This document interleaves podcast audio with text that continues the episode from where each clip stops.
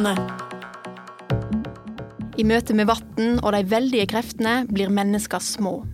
Årlig går store verdier tapt i møte med de rasende vassmassene. Elva har fløymt over før, og alt tyder på at hun kommer til å gjøre det igjen. Hvordan kan vi som lever tett på vannet, sikre oss mot naturkreftene?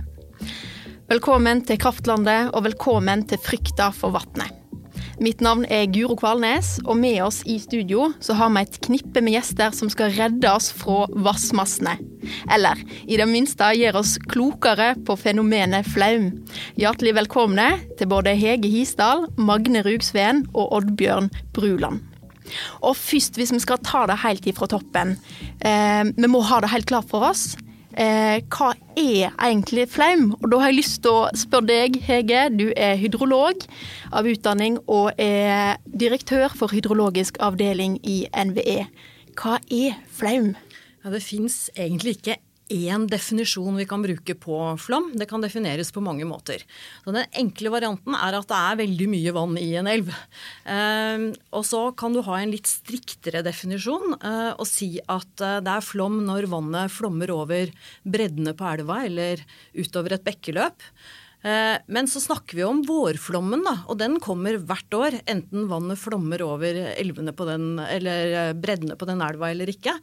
Eh, så det er ikke en entydig definisjon, men vi er vel alle enige om at flom det er fryktelig mye vann i en elv. Og oftest så fører det også til oversvømmelser. Og noen ganger så blir det også store skader. Og det er ofte de flaumene eh, som får mest oppmerksomhet. Eh, det er jo de eh, som forårsaker skader. Men du sier jo at det er nesten uunngåelig å, å, forhindre flaum. Vårflaumen den kommer år etter år. Og Fins det òg noen sånn positive slagsider ved flaumen? Altså det gjør det. Flom er jo et naturlig fenomen og en del av det hydrologiske kretsløpet. Det er også sånn at eh, En del økosystemer er eh, avhengig av mye vann i elva. Eh, vi snakker om lokkeflommer for å få fisken til å gå opp. Dette kan Oddbjørn en god del om, vet jeg. Så snakker vi om spyleflommer. I en del av de regulerte vassdragene så har man jo tatt de store flomtoppene.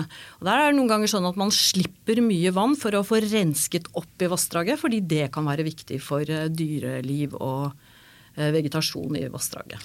Du sitter jo som eh, sjef eller direktør for hydrologisk avdeling i NVE. Og for de som, av oss som har litt lite kjennskap til hvordan eh, NVE, altså Norges vassdrag- og energidirektorat, hvordan, eh, hvordan jobber det med, med flaumsikring og med varsling? Altså, vi har et helt uh, spekter med uh, virkemidler da, for å jobbe forebyggende mot skade. Uh, og jeg tror jeg skal begynne med kartlegging, for det er nemlig viktig å vite. Altså hvor vil vannet komme hvis det blir en stor flom, og hvilke verdier er det som ligger utsatt til. Og Det kalles for flomsonekart. Det kan være et viktig virkemiddel. Eh, og De kartene de kan man bruke i arealplanlegging, og er, det er også et virkemiddel. og Særlig i forhold til ny bebyggelse. Det å la være å legge ny bebyggelse og infrastruktur i flomutsatte områder. Og så er det jo dessverre sånn at vi har ganske mye bebyggelse og infrastruktur som ligger flomutsatt. Og da er det sikringstiltak, som du nevnte, som, kan, eh, som er viktig. Uh, og det betyr ja, Det kan være å bygge flomvoller langs uh, elva, sånn at vannet ikke når innover uh, bebygde område. Glomma Lågen er et eksempel på et vassdrag hvor det er mange sånn, den type sikringstiltak. Det kan også være erosjonssikring. Eh, det er mer aktuelt i eh, vassdrag hvor vannet har stor fart, f.eks. å dra med seg jordmasser og stein og grus, og det kan forårsake enorm skade. Så da kan man altså plastre elvebredden for å hindre at det skjer.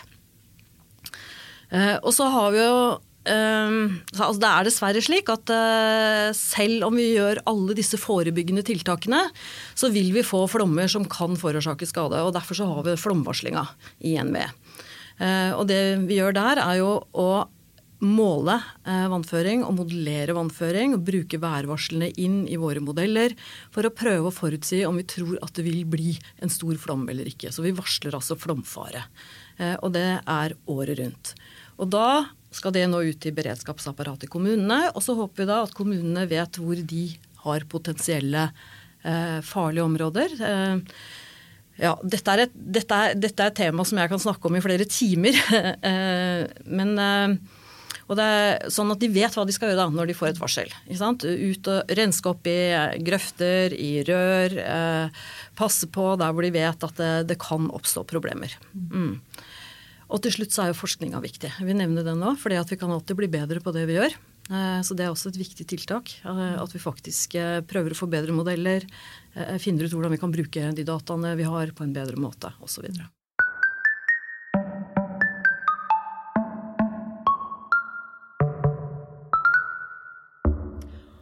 Og når det gjelder sikring og varsling, så lurer jeg jo litt på hvordan har dette utvikla seg over tid?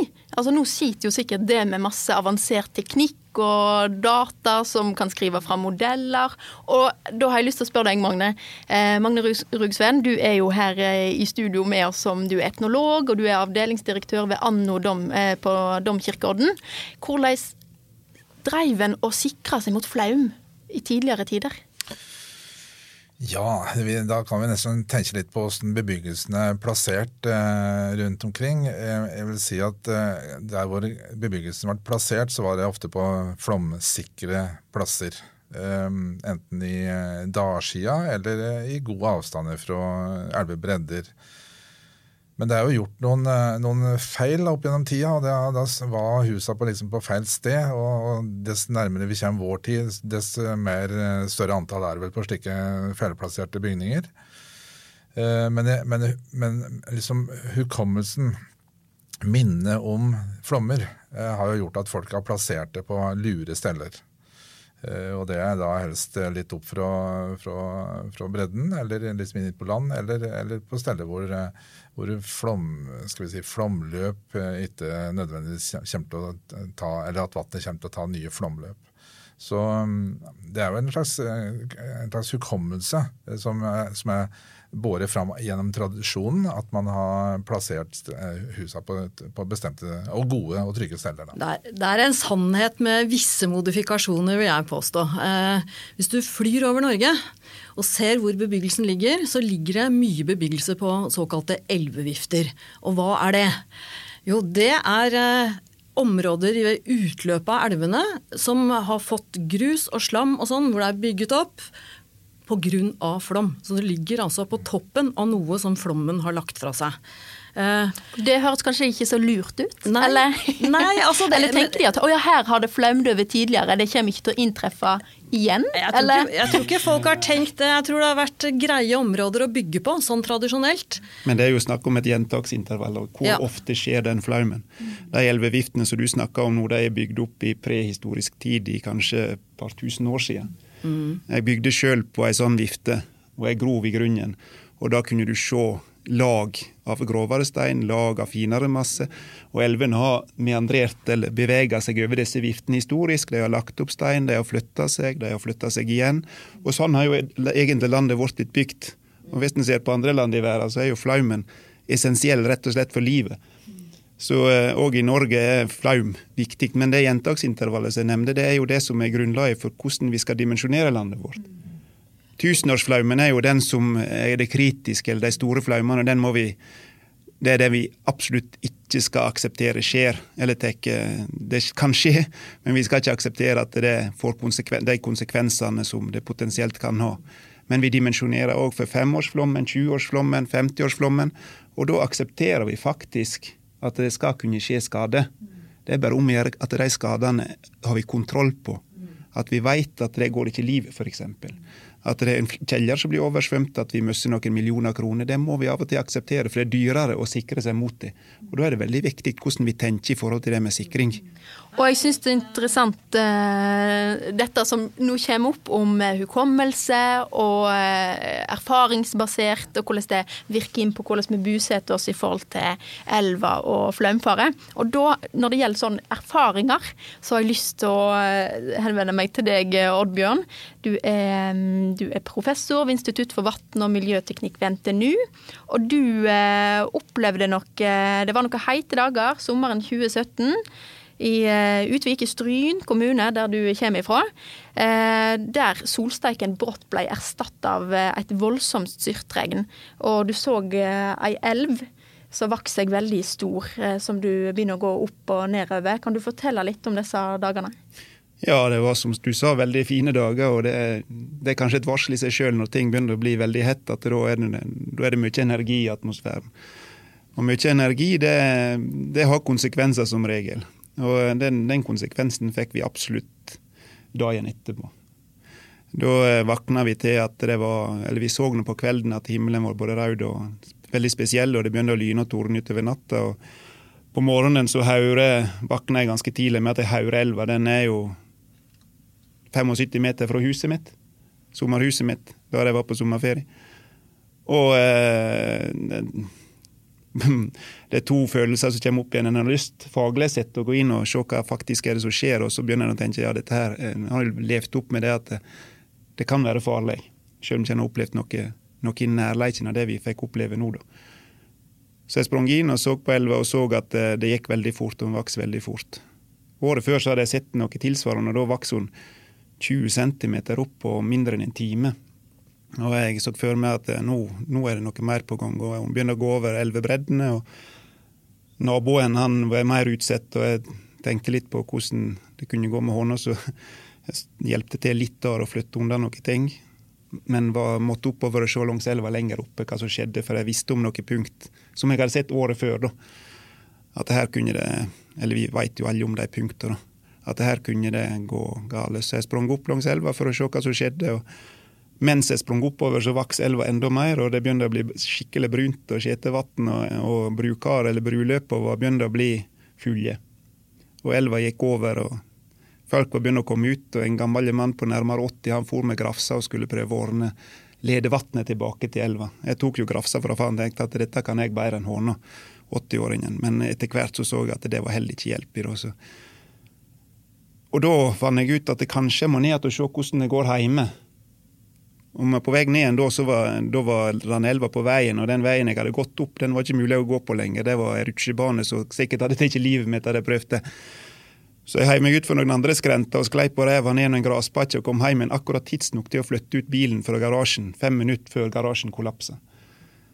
Og etterpå det så var det egentlig ikke så mye å gjøre enn å følge med hva som skjedde, og det var både skremmende, men òg veldig fascinerende. For jeg er jo både fagmann og jeg er bosetter. så det Ja, det er litt blanda følelser du får, da.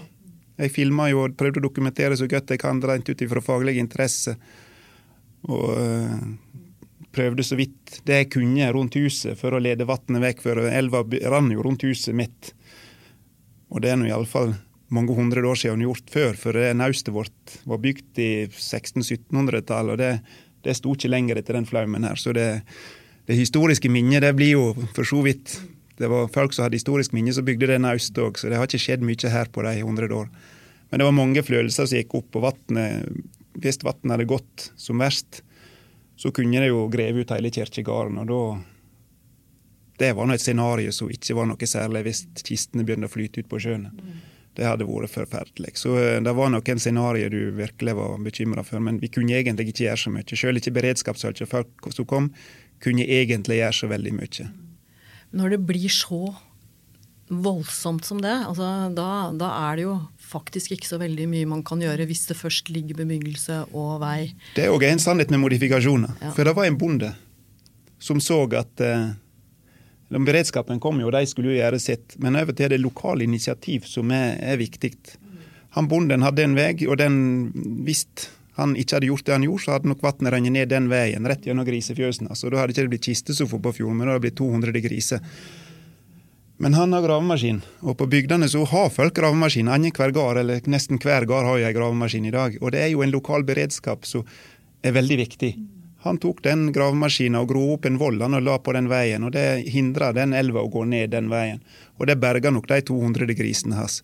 Så den lokale kunnskapen og lokale beredskapen den skal en absolutt ikke kimse av i sånne tilfeller. og små, små, ting. Kjempeviktig. Men mm. Eh, det vi ser, da, og det som er utfordringen, det er at de som har opplevd en sånn hendelse, de har ofte veldig god lokal altså kunnskap om hva som kan skje, selvfølgelig. De har opplevd det. Og de har laget en beredskap i forhold til at en sånn flom kan komme.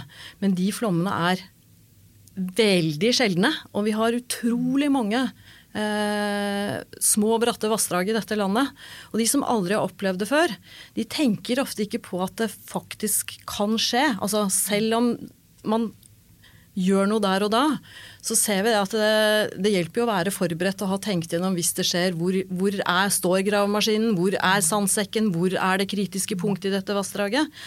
Og de som aldri har opplevd det før, de har ofte ikke vært gjennom den tankerekka. Altså det Utfordringen vi har, er liksom å prøve å få de lokale eh, til å vite hva de skal gjøre, selv om de ikke har opplevd det før. De som har opplevd det før, vet ofte hva de skal gjøre. De som ikke har opplevd det før, der er utfordringen større. Som den gjengse nordmann, er vi for dårlig budd? Altså, jeg, det er veldig vanskelig spørsmål. Fordi at eh, det, det, det, å være forberedt, det krever eh, jo at du læres opp til dette. Du må vite hva du skal gjøre. Men det er slett ikke sikkert at du i din levetid vil oppleve en sånn flom og få bruk for den kunnskapen i det hele tatt. Og vi vet også at kunnskap må holdes ved like. Du må øve. Du må, altså du, du må ikke vite hvor den gravemaskinen og sandsekken er i år. Du må vite det om 10 år, 15 år, 50 år, 100 år. 200 år. Oddbjørn snakker om tusenårsflommen og 200-årsflommen. Altså det er ekstremt sjeldne hendelser i det vassdraget. Og veldig alvorlige hendelser. Men samtidig så har de jo, iallfall sånn som i den bygda jeg kommer fra, så har de opplevd og sett inn i elva. De føler med elva. Det tror jeg mange plasser de føler med elvene. De som bor og har ei elv gjennom bygda si, føler med elvene. De har en følelse med hva som kan skje, og de har en bekymring. og jeg tror mange av de har tenkt gjennom scenarioet, pluss at det er en god del kreativitet blant folk. Så når det først ting skjer, så evner veldig mange av dem til å ta tiltak og gjøre tiltak som faktisk er fornuftige. Så det er om å gjøre å utnytte den kunnskapen og de evnene som finnes lokalt. Det problemet har jo du eh, sett deg før å bøte litt på, eh, Oddbjørn. For eh, ved ditt institutt så har du jo et eh, spennende prosjekt gående. Og eh, for med, med liksom Utvik og den flaumhendinga friskt i minne, så, så tok du til å utvikle et dataspill. Ja. World of Wild Waters. Og Det må du fortelle mer om. For Hvordan kan et dataspill redde oss fra, fra flaumen? Ja, det, Om det kan redde oss fra flaumen, det vet jeg ikke, men det kan iallfall gjøre oss eh, det vi sa, gjøre oss litt klar over hva er faktisk konsekvenser av en potensiell flaum. For det var ideen at uh, Ideen hadde egentlig sitt utgangspunkt i den hendinga i 2017, ja.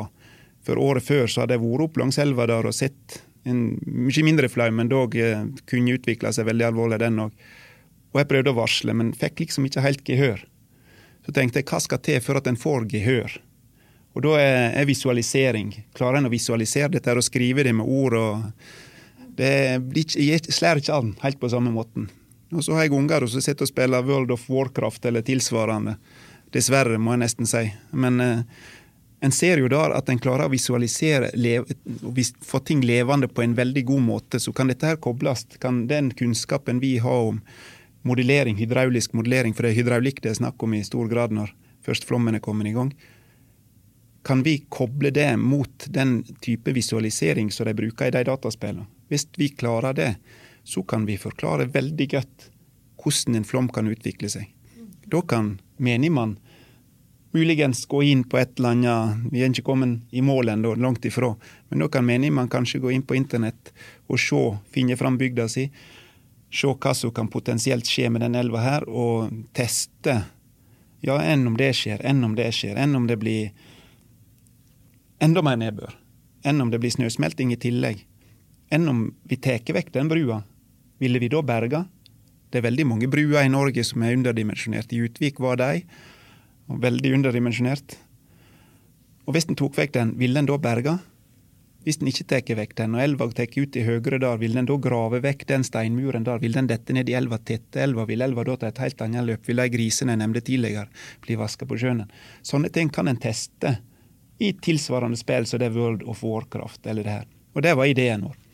Vi, vi, det er ganske omfattende datagrunnlag som skal til for uh, Ja, det er ikke lett. Det, det er en stor utfordring. For ei lita elv for å få det rett, ja. Hmm. ja men vi har, vi har veldig gode data, godt datagrunnlag i dag. Vi har, vi har, digitalisert Norge. Vi har data om topografien eller terrenget ned til centimetersnivå. For hvert eneste bebygde område i hele Norge. Det er grunnlaget i havet. Vi har veldig gode tidsserier på nedbør og temperatur. Vi har ganske mange plasser, eh, dog altfor få plasser. Vi måler faktisk vannføring i elvene. Så vi har mye data, men vi bruker ikke de godt nok ennå. Så vi må, eh, og det du sa om forskning, ja. Vi jobber så godt vi kan for å kunne utnytte disse dataene her enda bedre. Og tror er, Der tror jeg ligger en viktig nøkkel.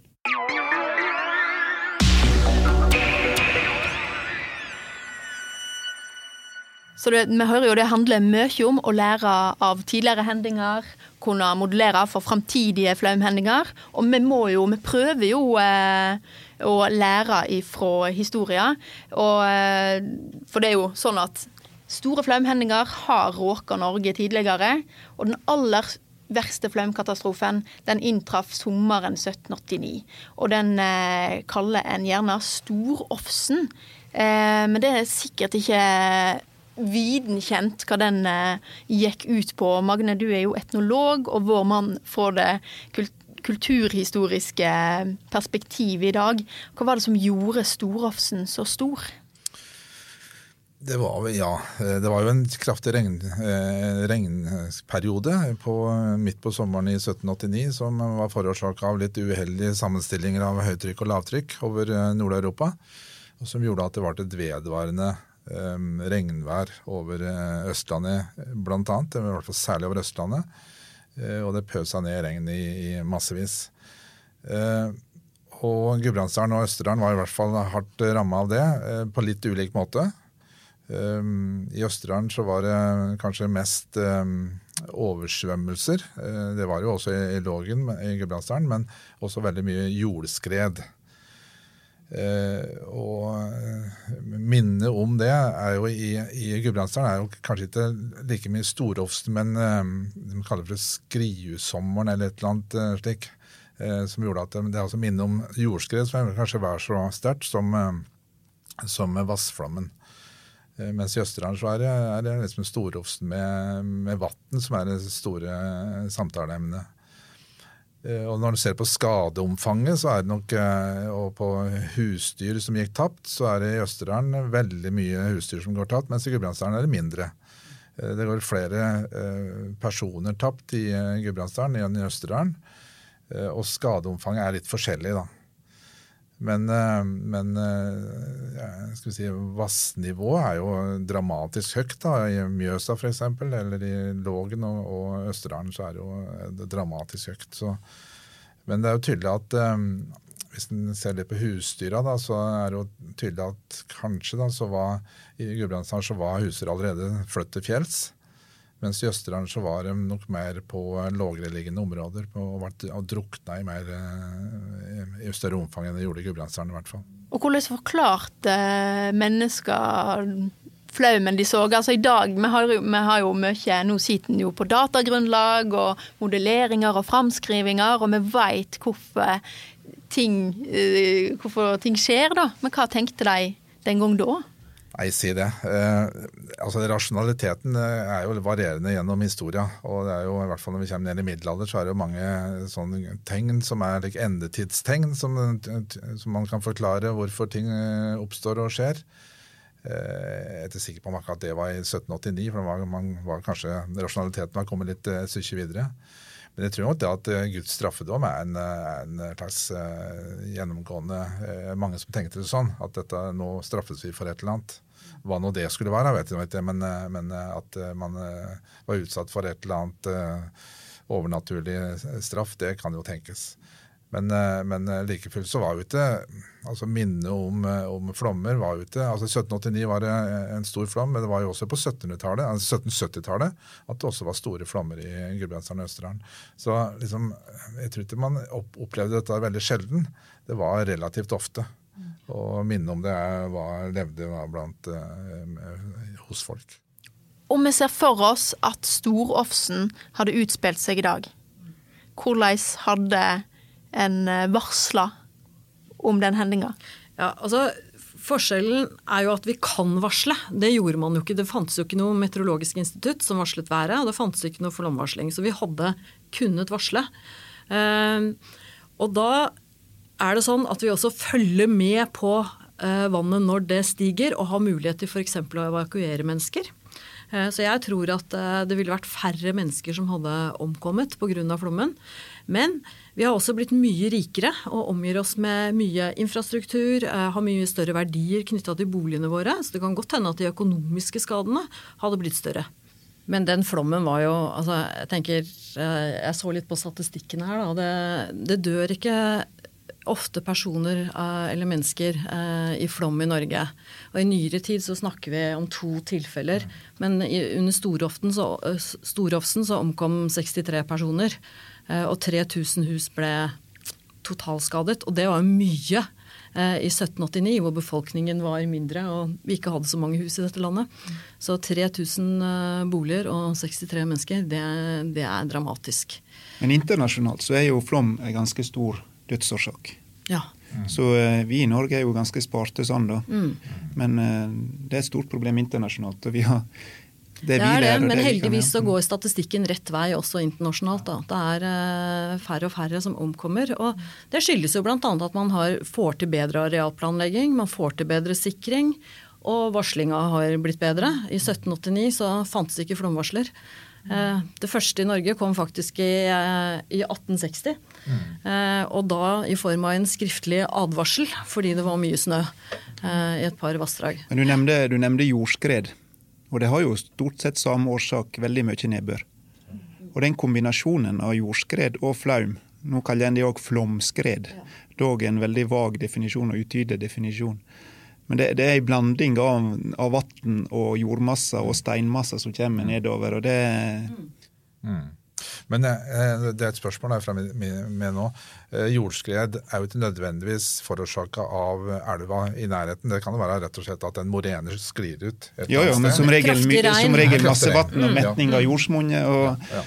Det er i kombinasjon med mye vann og kanskje at skredet går ned i en bekk i, i, opp i Kvam hadde jo òg teorier om at det var, var jordmasser som eh, raste ned i elva og demde opp, og så kom det større pulser ned gjennom elva. Det var, det var nevnt i, i, rundt den flaumen.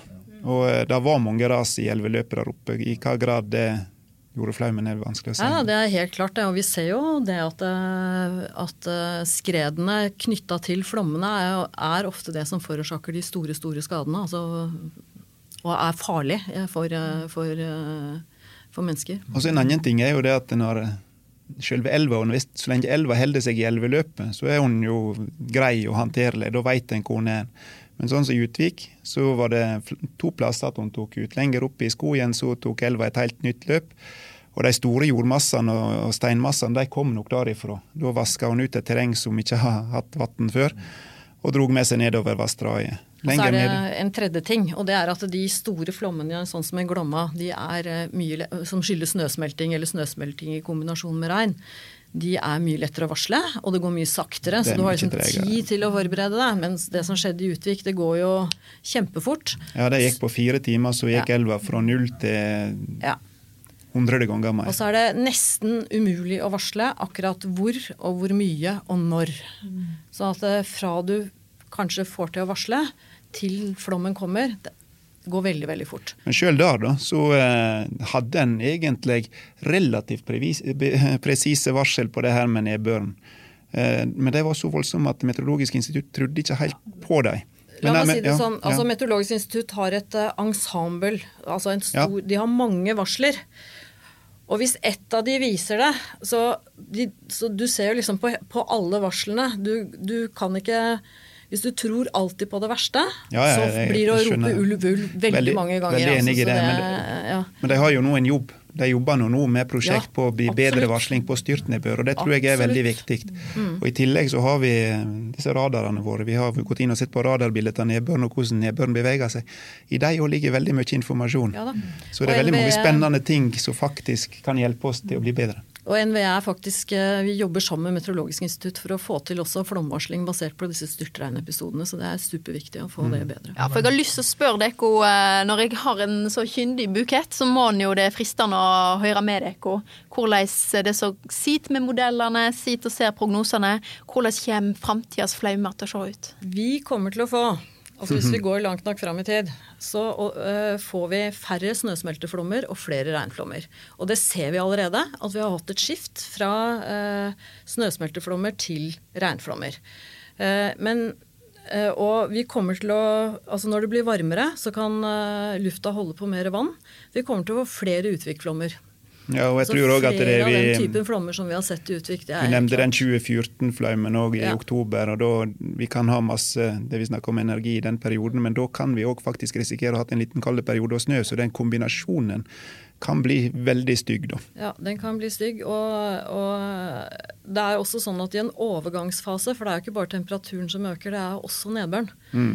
eh, så kan vi få, som du sier, altså, dette her at du kan få den der kombinasjonen med snøsmelting og regn. Kanskje ikke bare på våren, men uh, se den også til andre tider. Vi gjør det allerede nå. Altså, vi har hatt januarflommer som har vært kombinasjon av, mm. av regn og snøsmelting. Uh, det kommer litt an på hvor du er i Norge. I Trøndelag har det, har det Og langs vestlandskysten ja. så er det jo litt an på Vestlandet. Men i hvert fall en overgang fra liksom de store store snøsmelteflommene til mer intense regnflommer vil jeg si er det mest sånn typiske vi kommer til å oppleve. Kanskje ikke vi som sitter rundt bordet her, men uh, våre barn og barnebarn. Hvis uh, takten på klimaendringene fortsetter i samme tempo som nå, eller akselererer ytterligere. Mm. Ja, da får vi notere oss det. Vi får bu oss på mer vann enn har det fra et kyndig panel. Eh, og det var faktisk det vi rakk i eh, dagens eh, sending. Tusen takk til dagens gjester, Hege Hisdal, Oddbjørn Bruland og Magne Rugsveen. Mitt navn er Guro Kvalnes, og du har lytta til en episode av podkasten Kraftlandet.